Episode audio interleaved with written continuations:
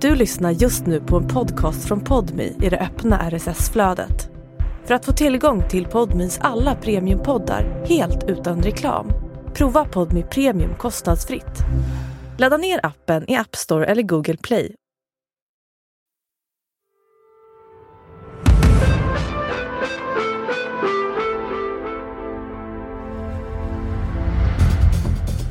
Var stora swiss, det var 100 000, 100 000, 75 000 så tätt. Man gjorde skattjakter med sedelbuntar längs ett golv. På franska rivieran lever ett gäng svenskar lyxliv. De kör runt i dyra sportbilar och spenderar enorma summor pengar på restauranger och nattklubbar. We got Sweden in the motherfucking house! Man har sett på Snapchat en blå Ferrari. De gör sitt absolut bästa för att bränna precis så mycket pengar som möjligt. I själva verket utgör de toppskiktet i en stor bedrägerihärva och lever på pengar lånade från svenska banker.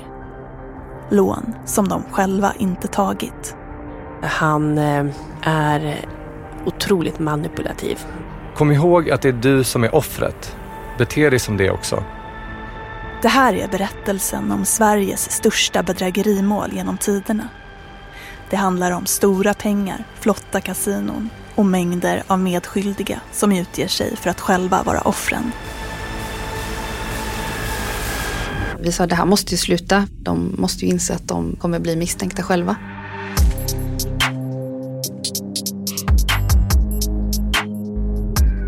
Du lyssnar på Podmi Dokumentär om Operation Casino. En serie i två delar med mig, Alice Löv. Det här är första delen.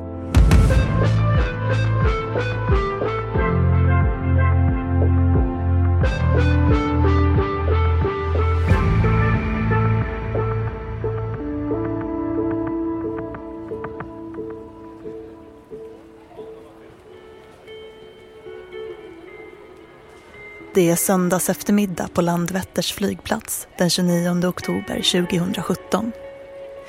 Passagerare från olika destinationer väntar på sin packning vid bagagebanden. Solkyssta, kontorsbleka, med portfölj i handen eller med solglasögonen fortfarande kvar på huvudet. De är olika varandra men ingår ändå i en kollektiv gemenskap av normala personer i tullpersonalens mening. Men det är en person som sticker ut, som fångar tullens uppmärksamhet. Mannen är i 25-årsåldern. Han har inget bagage med sig och när tullen frågar varför förklarar han att han ska på begravning i Göteborg och ska åka tillbaka till Nice samma dag. Han ger ett lugnt men lite nervöst intryck. De tar in honom i ett rum och ber honom tömma sina fickor Inget anmärkningsvärt där. Men när tullen ber honom ta av sig västen han har på sig och känner igenom den hittar de en stor bunt sedlar i en av västens innerfickor. 52 000 euro. Motsvarande drygt en halv miljon kronor. Mannens förklaring är att det är spelvinster från kasinon i Monaco. Han grips och förs till polisstationen i Göteborg misstänkt för grovt penningtvättsbrott. Redan nu radar frågorna upp sig. Vem är han? Vad är hans egentliga ärende i Göteborg? Och varifrån kommer sedelbuntarna värda en halv miljon kronor? Det här gripandet på Landvetter var ju startskottet och en förutsättning skulle jag säga för att man faktiskt tog tag i det här ärendet. Men det ingen i det här läget kan föreställa sig är att det här gripandet är starten på det största bedrägerimålet i svensk historia. Det fall som kommer att få namnet Operation Casino.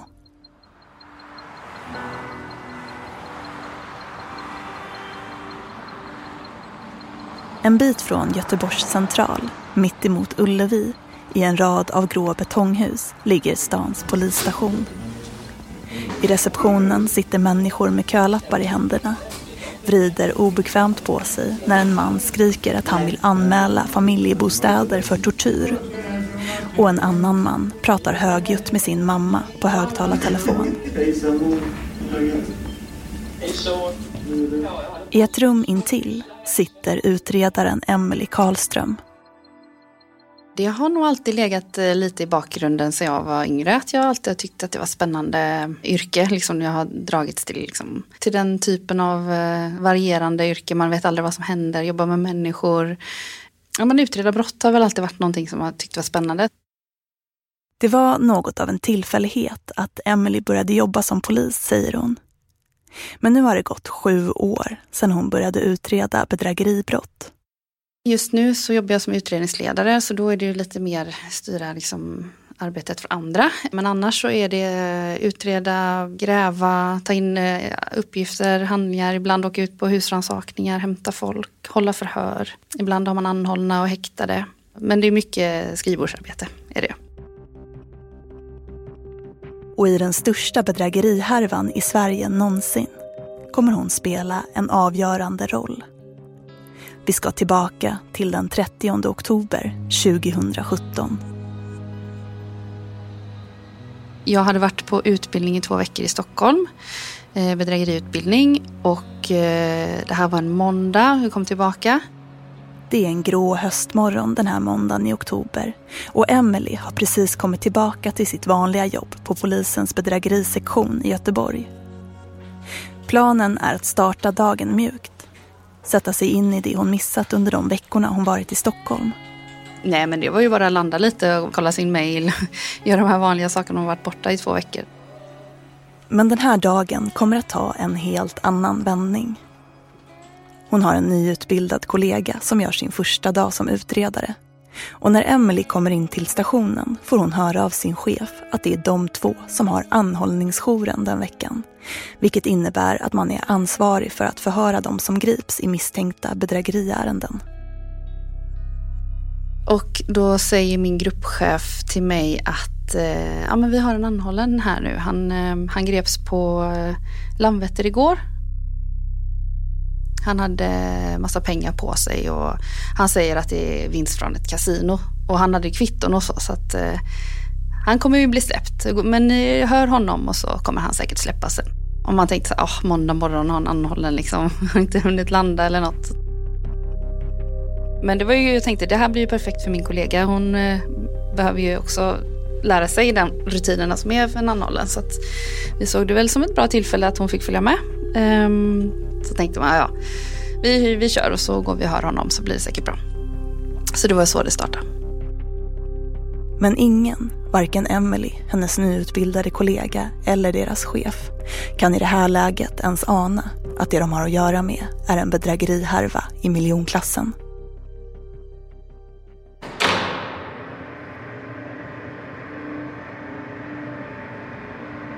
I det kala förhörsrummet på polisstationen i Göteborg sitter den 25-åriga mannen. Ännu vet ingen så mycket om honom.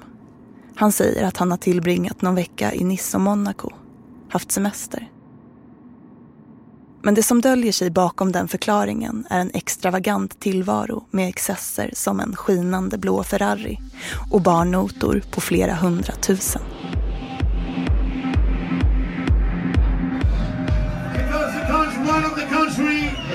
I love the world. We got Sweden in the motherfucking house! På den franska rivieran har ett gäng svenskar sitt tillhåll. De hyr en stor villa i Cannes med en månadshyra på 130 000 kronor. Vissa av dem har varit här i flera månader, sedan slutet av sommaren 2017, medan andra kommer och går parkering. Och med palmer, havet och gigantiska lyxyachter som setting äter de flådiga middagar och dricker litervis med champagne på fina restauranger och pampiga nattklubbar.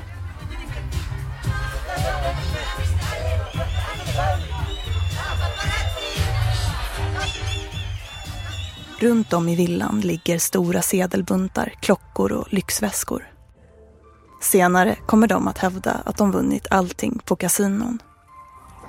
Men det finns vissa personer som vet var pengarna egentligen kommer ifrån och som drömmer om det livet som männen på den franska rivieran har.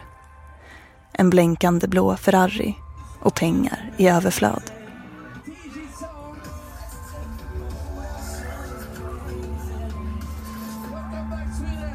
Det är i den här villan med det här sällskapet som Landvettermannen varit.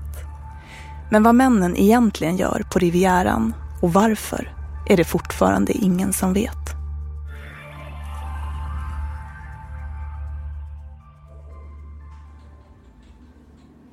På polisstationen i Göteborg, måndagen den 30 oktober, har Emily Karlström och hennes kollega börjat sätta sig in i ärendet.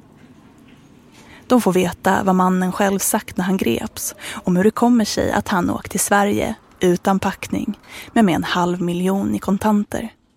Han sa att han hade vunnit pengarna på kasino nere i Nice eller Cannes. Och han hade även med sig några kvitton sa han, på, på kasinovinsten. Men när Emily tittar på kvittorna ser hon direkt att de visserligen kommer från ett kasino. Men att det inte är kvitton på vinster, utan från vanliga uttag. Visst, han kanske växlar in det till marker, spelar lite grann, men sen växlar han ju ut allting igen. Så han gör ett uttag. Och det är ju ingen vinst. De bestämmer sig för att kolla vilken aktivitet som varit på mannens konto. Vad kan vi se på hans konto? Vad händer på hans konto? Och då såg vi ju ganska snabbt att han fick in stora belopp på sitt konto. Och det var ju då som vi började undra vad, vad, liksom, vad är detta? På kontoutdraget ser de att mannen gjort stora uttag som överensstämmer med summan han hade på sig när han greps. Men de ser också något annat.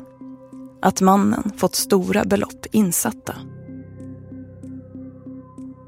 Jag tror det var 1,1 miljoner totalt som hade satts in på hans konto bara några dagar tidigare. Och eh, detta var från fem olika personer i Sverige då. Det är väldigt stora summor. Det var stora swiss, det var 100 000, 100 000, 75 000 så tätt. Och sen det här stora uttagen. Jag tänkte att det är ju inte normalt. Eh, så första tanken såklart är ju kontospåra vart pengarna kommer ifrån. Så det gör ju vi och vi får ju ganska snabbt svar. Och då visar det sig att det är fem personer då som alla bor i en kommun utanför Göteborg. De kommer alla från en liten ort två mil från Göteborg med knappt 30 000 invånare. Den gripna mannen är själv hemmahörande i Uppsala. Vad de här personerna har för koppling till varandra är ännu oklart. Men det är med den här informationen som bakgrund som Emelie Karlström och hennes kollega går in i förhörsrummet och möter mannen för första gången. Ja, jag tänker väl kanske att han förekommer i kriminella kretsar. Det är väl första tanken. Nej, men han är ganska men trevlig ändå. Liksom, ja, tycker att han har svar på allt och sådär. Men jag får ju uppfattningen om att han inte talar sanning. Mannen står fast vid att han vunnit pengarna på kasinon men har svårt att förklara insättningarna. Han lämnar ju en förklaring som inte riktigt går ihop och han, lämnar, han träffar någon kille där nere säger han som har bett han ta ut pengar åt honom. Eh, ja, men han kan inte svara på vad han heter eller han lämnar något namn men inte något efternamn. Han vet inte, alltså det går inte riktigt ihop liksom. Så man, man fick ju ganska snabbt uppfattningen om att det inte riktigt stämmer som man säger. Det finns stora luckor i mannens berättelse. Frågetecknen blir fler och fler och det är nu detektivarbetet börjar. Emily börjar kolla upp kontona från de som fört över pengar till mannen. Då ser hon att de här personerna nyligen tagit stora snabblån från olika låneinstitut. Och sen också ser vi ju då när vi kontospårar de här personerna att de skickar ju inte bara pengarna till den här killen som sitter häktad nu då utan de skickar ju även till andra killar som har koppling med våran kille som ingår i samma nätverk då. Personerna som gjort stora överföringar till den häktade mannen har också fört över pengar till andra personer som precis som han är hemmahörande i Uppsala. Så då, då börjar man ju inse att det här är ju något större. Polisen har upptäckt att mannen som sitter häktad i Göteborg ingår i ett stort kriminellt nätverk i Uppsala. De här killarna, det är ju inga dumhuvuden på något sätt. Det är smarta individer som, som utnyttjar till sin fördel olika typer av, av brott. I Uppsala jobbar polisen Jale Poljarevius. I media brukar han omskrivas som en av de poliser i landet som varit mest tydlig med sin frustration över det ökade gängvåldet. Han är underrättelsechef i Region Mitt och har jobbat mot gängkriminaliteten i Uppsala i över tio år. Och vid tiden för när Operation Casino pågår är han kommenderingschef för insatserna som görs. Det här var ju ett gyllene tillfälle att arbeta med det här ärendet och försöka få så många som möjligt dömda. Men under hösten 2017 beskriver Jale att polisen inte riktigt får grepp om vad de kriminella i Uppsala håller på med. Att det verkar splittrat. Där och då så hade vi ett läge som var väldigt oklart. Vi hade en stor eh, gruppering som styrde och ställde ganska stora eh, delar av den organiserade brottsligheten i, i Uppsala framförallt. Då. Och även nationellt och även med internationell prägel. Det finns flera kriminella grupperingar i Uppsala. Men det vi talar om här räknas som ett av de största nätverken i hela landet. Det var både våld och det var narkotika. Det visade sig även vara ekonomi, bland annat genom den här bedrägeridelen. Så det var ju ganska stort spännvidd av, av flera olika brottsformer. De här personerna är också samma personer som under den här tiden åker fram och tillbaka till gänget på Rivieran. Det var individer som inte hade egna jobb, det var individer som finns som är kända hos oss, de finns på våran radar och de ägnar sig åt olika typer av kriminell aktivitet.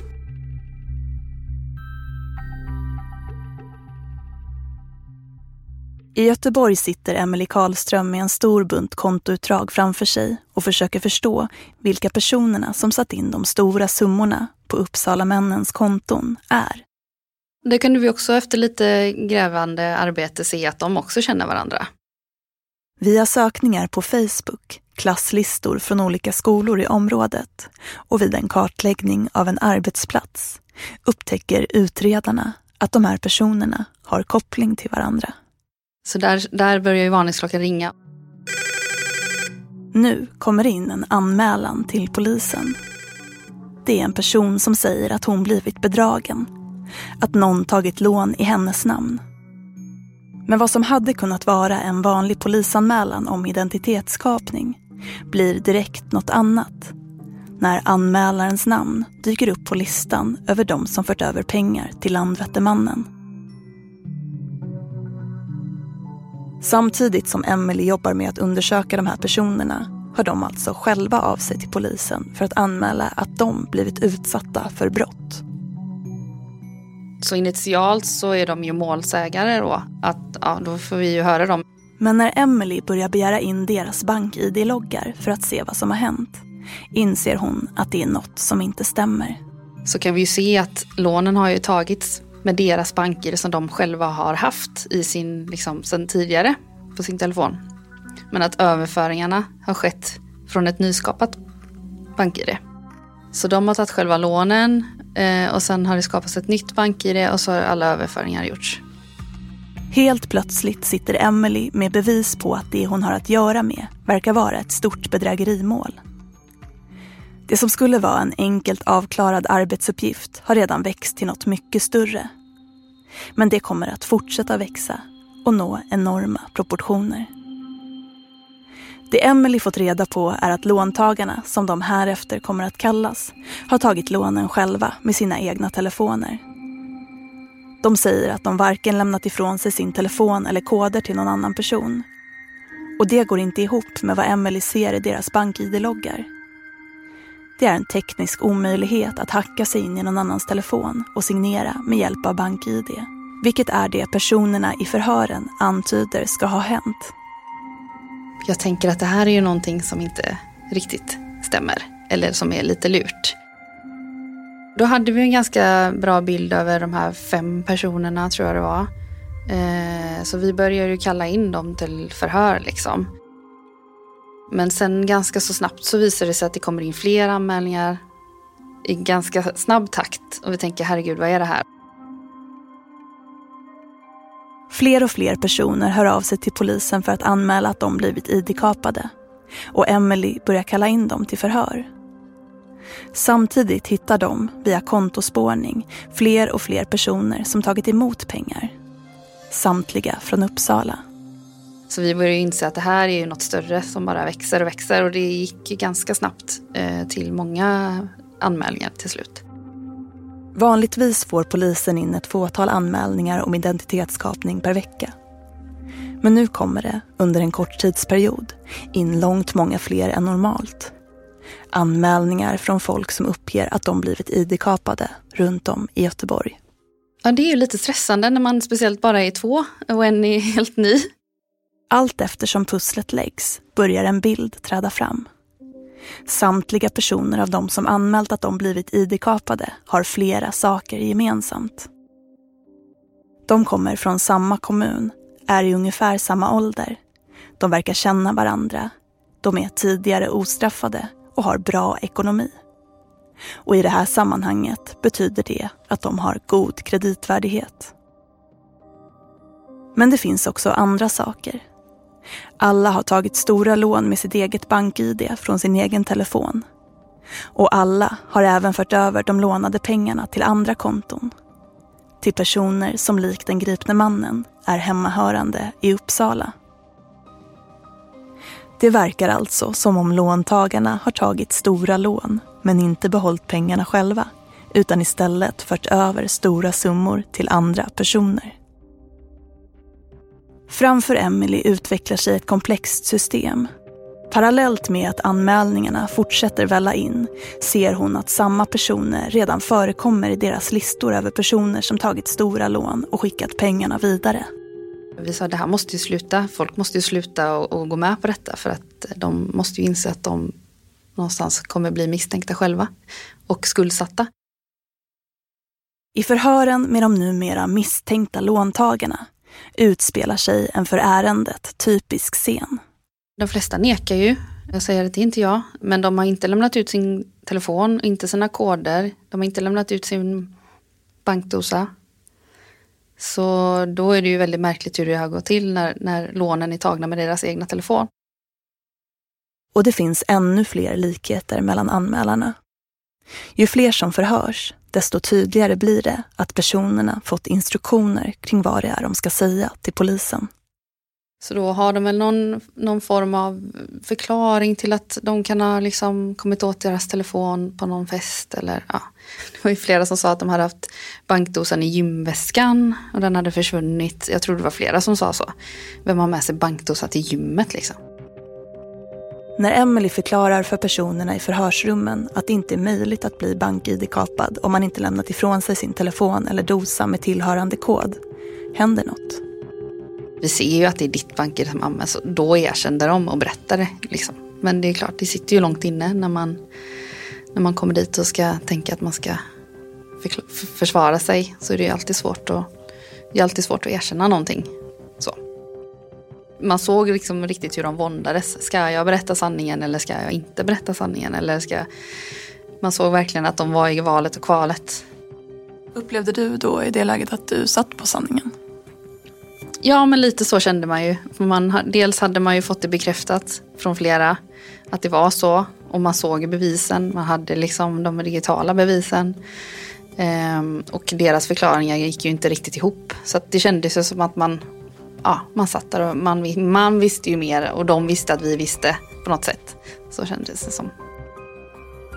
Det är vissa som i det här läget erkänner när de förstår att polisen inte kommer köpa deras förklaringar. Men några står trots det fast vid sin historia.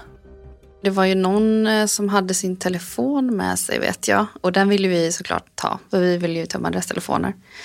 Så var han nog inte riktigt beredd på det, men han tog fram den och sen så försökte han snabbt radera, radera den framför ögonen på mig. Så då hann jag liksom ta den. Men från de som erkänner att de faktiskt själva medverkat till att lånen tagits målas en avancerad bedrägeriform upp. Mm. Det här är liksom en karta då? Ja, det här är en, eh, en liten eh, miljonsnurra, eh, kan man kalla det. Där man har person A. Eh, det är en person som finns i ett kriminellt nätverk med våldskapital, skrämselkapital. Det är där huvudmannen är då. Det är ett pyramidspel och längst ner på botten är låntagarna. De som anmält att de blivit id-kapade och tror att de då inte kommer bli återbetalningsskyldiga för lånen de tagit. I skiktet över dem finns dels rekryterare vars jobb är att se till att fler och fler personer går med på upplägget. Och dels mottagarna, alltså målvakter som tar emot och tvättar pengarna. I toppen står huvudmannen som håller i alla trådar och styr hela upplägget. Emily och hennes kollega kämpar med att kartlägga låntagarna och var pengarna hamnar. Men det är för stort. Det här fallet har tagit enorma proportioner och Emily inser att de behöver hjälp. Eftersom stora summor har skickats till personer i Uppsala är det dit som Emily vänder sig. Hon bestämmer sig för att försöka inleda ett samarbete över regiongränserna. Ja, vi tänker ju att eh, det här kan ju vara intressant för Uppsala-polisen såklart eftersom de här penningtvättarna då som vi kallar mottagarna. De eh, är ju hemmahörande där och kan ju vara intressanta för dem såklart. Så när vi hade några misstänkta, jag vet inte hur många, fem, sex stycken kanske, som var från Uppsala. Så åkte vi dit och presenterade det här som vi tror är ett upplägg. Vi visste inte vem som låg bakom det men att det kan ju ändå vara intressant för er och liksom för vi hade ju en åklagare här i Göteborg och han tänkte ju liksom att ja, men vi kör ett ärende i taget, en låntagare så dömer vi av en och efter en efter en. Men vi kände att ja, är det inte bra att få med liksom hela bilden så att vi åkte upp till dem. Eh, åklagarna där eh, lite ljumna till det. Tyckte väl att ja, vi får se. Och sen så hände det inte så mycket mer med dem. Utan vi jobbade på här nere med vårat. Här hade allt kunnat sluta. Men strax efter att Emily åkt tillbaka ner till Göteborg får en annan åklagare i Uppsala höra om vad som är på gång. En åklagare som kommer ha en avgörande roll i det här fallet. Maja Kullinger. Jag fick höra det här och eh, tyckte att det här lät som ett fantastiskt roligt ärende. Jag gillar att lägga pussel och här såg jag 10 000 bitars pussel som bara väntades på att få sorteras och läggas. Det här var ju på en fredag och på måndag morgon så gick jag in till min chef och sa att jag gärna vill ta det här ärendet. Och det fick jag. Och det var ju två år som jag fick sitta med, med det här ärendet och pussla och leta och läsa. Maja får fallet på sitt bord. Som undersökningsledare för hela utredningen börjar hon att skapa sig en bild av den komplexa och fortfarande ganska ovanliga bedrägerimodellen. Pyramidspelet som kallas för Friendly Fraud. Friendly Fraud är ett eh, bedrägeri där den som anmäler bedrägeriet själv har medverkat till att låta sig utnyttjas. Man har lämnat ut sin bankdosa, man har själv signerat, man har låtit någon annan skapa ett mobilt bank-id för en så att man inte har kontroll över det. det. Det är friendly fraud, att man medverkar till att lånen tas men sen påstår att man inte har medverkat. Det som kommer fram i förhör är att alla låntagare har blivit kontaktade av någon de känner som sagt att den har en bra deal som helt riskfritt kan ge snabba pengar. Du, hur kom du i kontakt med honom då? Kan du berätta det från början? Eh, ja, eh, min dåvarande bästa tjejkompis. Eh, hon visste att jag satt i en halvtaskig ekonomisk sits. I rättegången långt senare berättar en låntagare om hur det gick till när hon blev indragen i det här. Eh, det hade gått lite halvdåligt. Jag hade krockat min bil och jag behövde pengar. Så hon ringde mig eh, och sa att eh, hon hade en person, eller hon kände en person som eh, kunde hjälpa mig i det här. Eh, så hon frågade om jag kunde komma till Göteborg eh, och prata med dem. Så jag gjorde det. Ett efter ett radar vittnesmålen upp sig.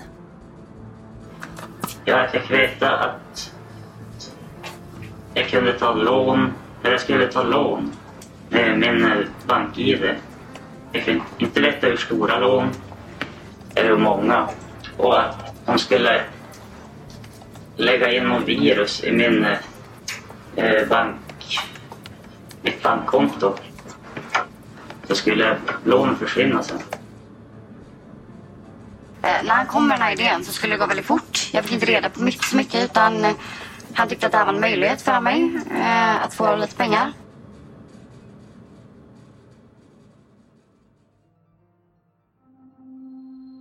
Låntagarnas berättelser om hur allt gått till liknar varandra och så här beskriver flera låntagare förloppet.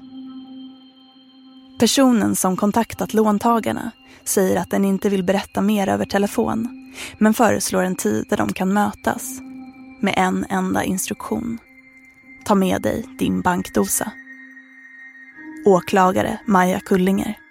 De ska bli upphämtade av, av någon av de här individerna. Det är ofta flera med i bilen. Man åker iväg. Det är flera som har pratat om att man träffas, man stannar till vid en kyrka. I bilen får de upplägget förklarat för sig. Du ska gå med på att bli ID-kapad och för det kommer du få mellan 10 och 30 000 kronor. Beslutet att gå med på det här ska ske snabbt. Så när vissa frågar om de kan få tänka på det ett tag och återkomma blir svaret nej. Det är nu eller aldrig. Det ska gå fort, det ska, det ska bara smattra. Eh, man får, man får inte tid att tänka överhuvudtaget utan det ska bara gå fort. Och det är också en, en strategi i det här, i hela det här moduset. Att man inte ska få tid att tänka efter och komma på att det här kanske inte är en jättebra idé ändå. Det här ska gå under ett visst antal minuter. Eh, så det är bara att signera det som kommer upp på din telefon. Ehm, så det gjorde jag. Ehm, We love our pets, but when the floor is covered in fur, that's harder to love. Eufy X10 Pro Omni Robot Vacuum has powerful 8000 PA suction to make hair vanish from floors in just one pass. Plus, the roller brush has automatic detangling for easy hands free maintenance. Want to know more? Go to eufy.com, that's EUFY.com, and discover X10 Pro Omni, the best in class all in one robot vacuum for only $799. Och sen efter det så vet inte jag riktigt vad som har hänt. Eh, efter den kvällen. När låntagaren sagt ja ringer de upp huvudmannen som sitter på Rivieran och som instruerar hur allt ska gå till. Han säger att han kommer gå in och installera ett virus i deras telefoner så att det blir omöjligt för polisen och bankerna att upptäcka att de signerat låneansökningarna själva. Låntagaren lämnar ifrån sig sin telefon och kod.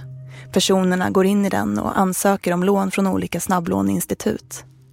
Sen skapar de ett nytt bank-id i låntagarens namn med hjälp av bankdosan och gör själva alla överföringar till mottagarnas konton. Låntagaren får tillbaka sin telefon, spärrar sitt gamla bank-id och sin dosa och allting är klart. Låntagaren får tydliga instruktioner om att den inte får logga in på sitt konto på en vecka och att den sen ska polisanmäla att den blivit ID-kapad. Personerna i bilen säger Det är fullständigt vattentätt. Man kommer absolut inte bli återbetalningsskyldig.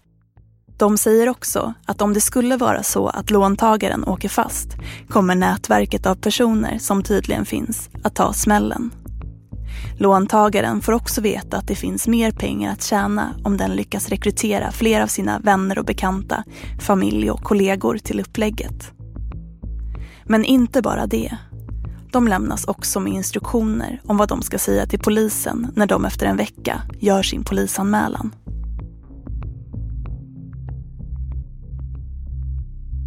Men vad är det egentligen som får låntagarna att gå med på det här? Att ta stora lån i sitt eget namn för att få mellan 10 och 30 000 kronor. Huvudmannen har ett långt CV med bedrägerier och har, eh, har sysslat med exakt den här typen av bedrägerier ganska långt innan vi fick eh, tag på honom. Han är även dömd för exakt likadan brottslighet. Eh, han har kopplingar till gängkriminalitet. Han är otroligt manipulativ.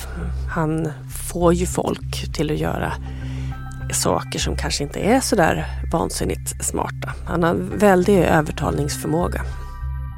Över Snapchat fortsätter huvudmannen själv kontakten med låntagarna. De har ju förförts av huvudmannen främst och hans eh, rekryterare med bilder och filmer om eh, the high life, lyxlivet i Cannes. De har fått se bilder om och filmer hur, hur det dricks eh, Dom Pignon och kristall och all, allsköns lyxvaror konsumeras på bilder. De har ju förförts till att tro att de ska kunna få det här för 30 000 kronor. Nej, du, du får kanske en weekend någonstans. Men du får ju aldrig det här highlifet. Eh, han har ju använt Snapchat som en reklampelare för att nå ut med de här filmerna och eh, bilderna och sina rekryteringskampanjer.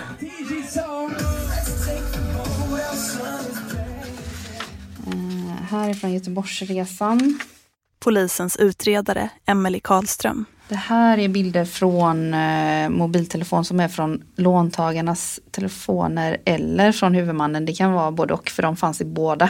Där man ser eh, en text eh, från Snapchat där det står jag lägger på 10 000 för nästa rekrytering. Så visst fasen kan det bli en smaskig jul för någon eller några för en del. För den Dealen gäller för alla som sätter den samt en liten julbonus som avslöjas på julafton. Det är nu, där har ni bonus och så är det en bild på hans klocka. Det Emily läser är från en bild som huvudmannen lagt upp på Snapchat. En sorts kampanj. Jag skulle nog säga att det spelar ganska stor roll eh, i och med att eh, det var en som kampanj liksom. Som en, eh, ja men nu är det sista chansen att värva och nu, titta här, så här har vi det. De filmade från sin lyxiga lägenhet som de hyrde där nere och villan som de hyrde där nere. Filmade snuttar de åker runt i Ferrari. Alltså visa att det här, är, det här har vi, det här finns, det här kan bli ditt. Skulle inte du vilja stå på den här balkongen och titta ut liksom? Eh, så att då fick de ju se detta när de blev, skulle bli rekryterade. Eh, så det är klart att det hade en stor del eh, i det. Så här kan kampanjerna från huvudmannen låta. Jag lägger en bonus på 15 000 kronor till den som sätter två stycken innan torsdag. Samt två flygbiljetter till Monaco valfri helg. Bjuder även med dig på en Ferrari-runda i Monte Carlo. Till er som fått in en person kommer jag även dra en lott. Så en av er kommer få möjligheten att åka med till Monaco. Ha en grym söndag. Nya tag nästa vecka. I meddelanden till låntagarna intygar han att upplägget är helt vattentätt. Att varken polisen eller bankerna kommer att märka att det är de själva som signerat låneansökningarna. Det här är ett utdrag från en konversation. Så, nu har jag kopplat signalerna på rätt sätt. Jag har dragit sladdarna mellan Eiffeltornet och Hongkong. Min backup-trojan går in på banken mellan Mount Everest och Kebnekaise samt Nepal. Så allt är i sin ordning broder. Viktigt att det blir rätt. Din säkerhet går i första hand hela tiden. Vill bara ge dig en uppdatering. Till svar får han. Skönt att höra King. Tack för uppdatering. Till vissa skriver han också att han går via ett program som NASA skapat. Ibland ifrågasätts han. Förklaringen till hur han fått tillgång till ett NASA-program är att han snubblade på ett bananskal när han byggde upp Darknet vilket han såklart inte gjorde. Det är en i efterhand uppenbar lögn. Låntagarna är absolut inte skyddade av ett vattentätt system så som han vill vagga in dem i att tro. De här konversationerna sker i huvudsak över Snapchat. Men förutom som kommunikationskanal används Snapchat framför allt som ett marknadsföringsverktyg. Produkten, deras otroliga livsstil på Rivieran. Målet kommer i slutändan ledas av två åklagare. Det här är Maja Kullingers kollega, åklagare Thomas Belter. Man eh, la upp då såna stories på Snapchat och visade upp eh, hur man eh, festade nere på franska rivieran och drack champagne och åkte eh, sportbilar. Och man la upp eh, sedelbuntar på eh, bord och man gjorde skattjakter med sedelbuntar längs ett golv och så vidare. Och allt det här syftar till att väcka uppmärksamhet och, och eh, väcka intresse för de som tittade. Så här har några av låntagarna själva berättat. Ja, att man har sett på Snapchat en blå Ferrari. pengar och fester och bilar och vapen och ja. Trots all information polisen nu har är det mycket de i det här läget fortfarande inte vet. Och den här härvan kommer att fortsätta växa och bli större än något bedrägerimål någonsin tidigare varit. För männen som åker fram och tillbaka till lyxvillan i Cannes ägnar sig inte bara åt att festa och marknadsföra sin extravaganta livsstil på Snapchat. De tar också sina dyra sportbilar och kontokorten fyllda med bedrägeripengar till Monaco. Och ett av världens mest kända kasinon, Casino Monte Carlo.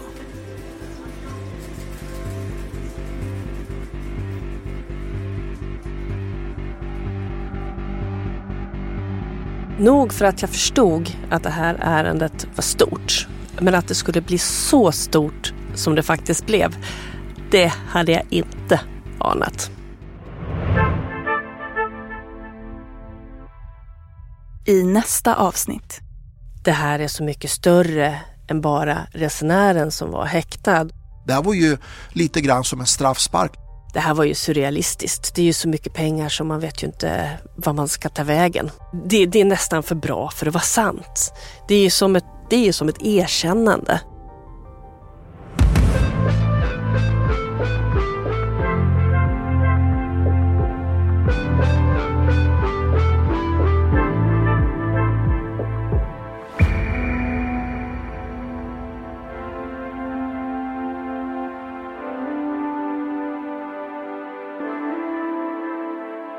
Du har lyssnat på första delen av Operation Casino.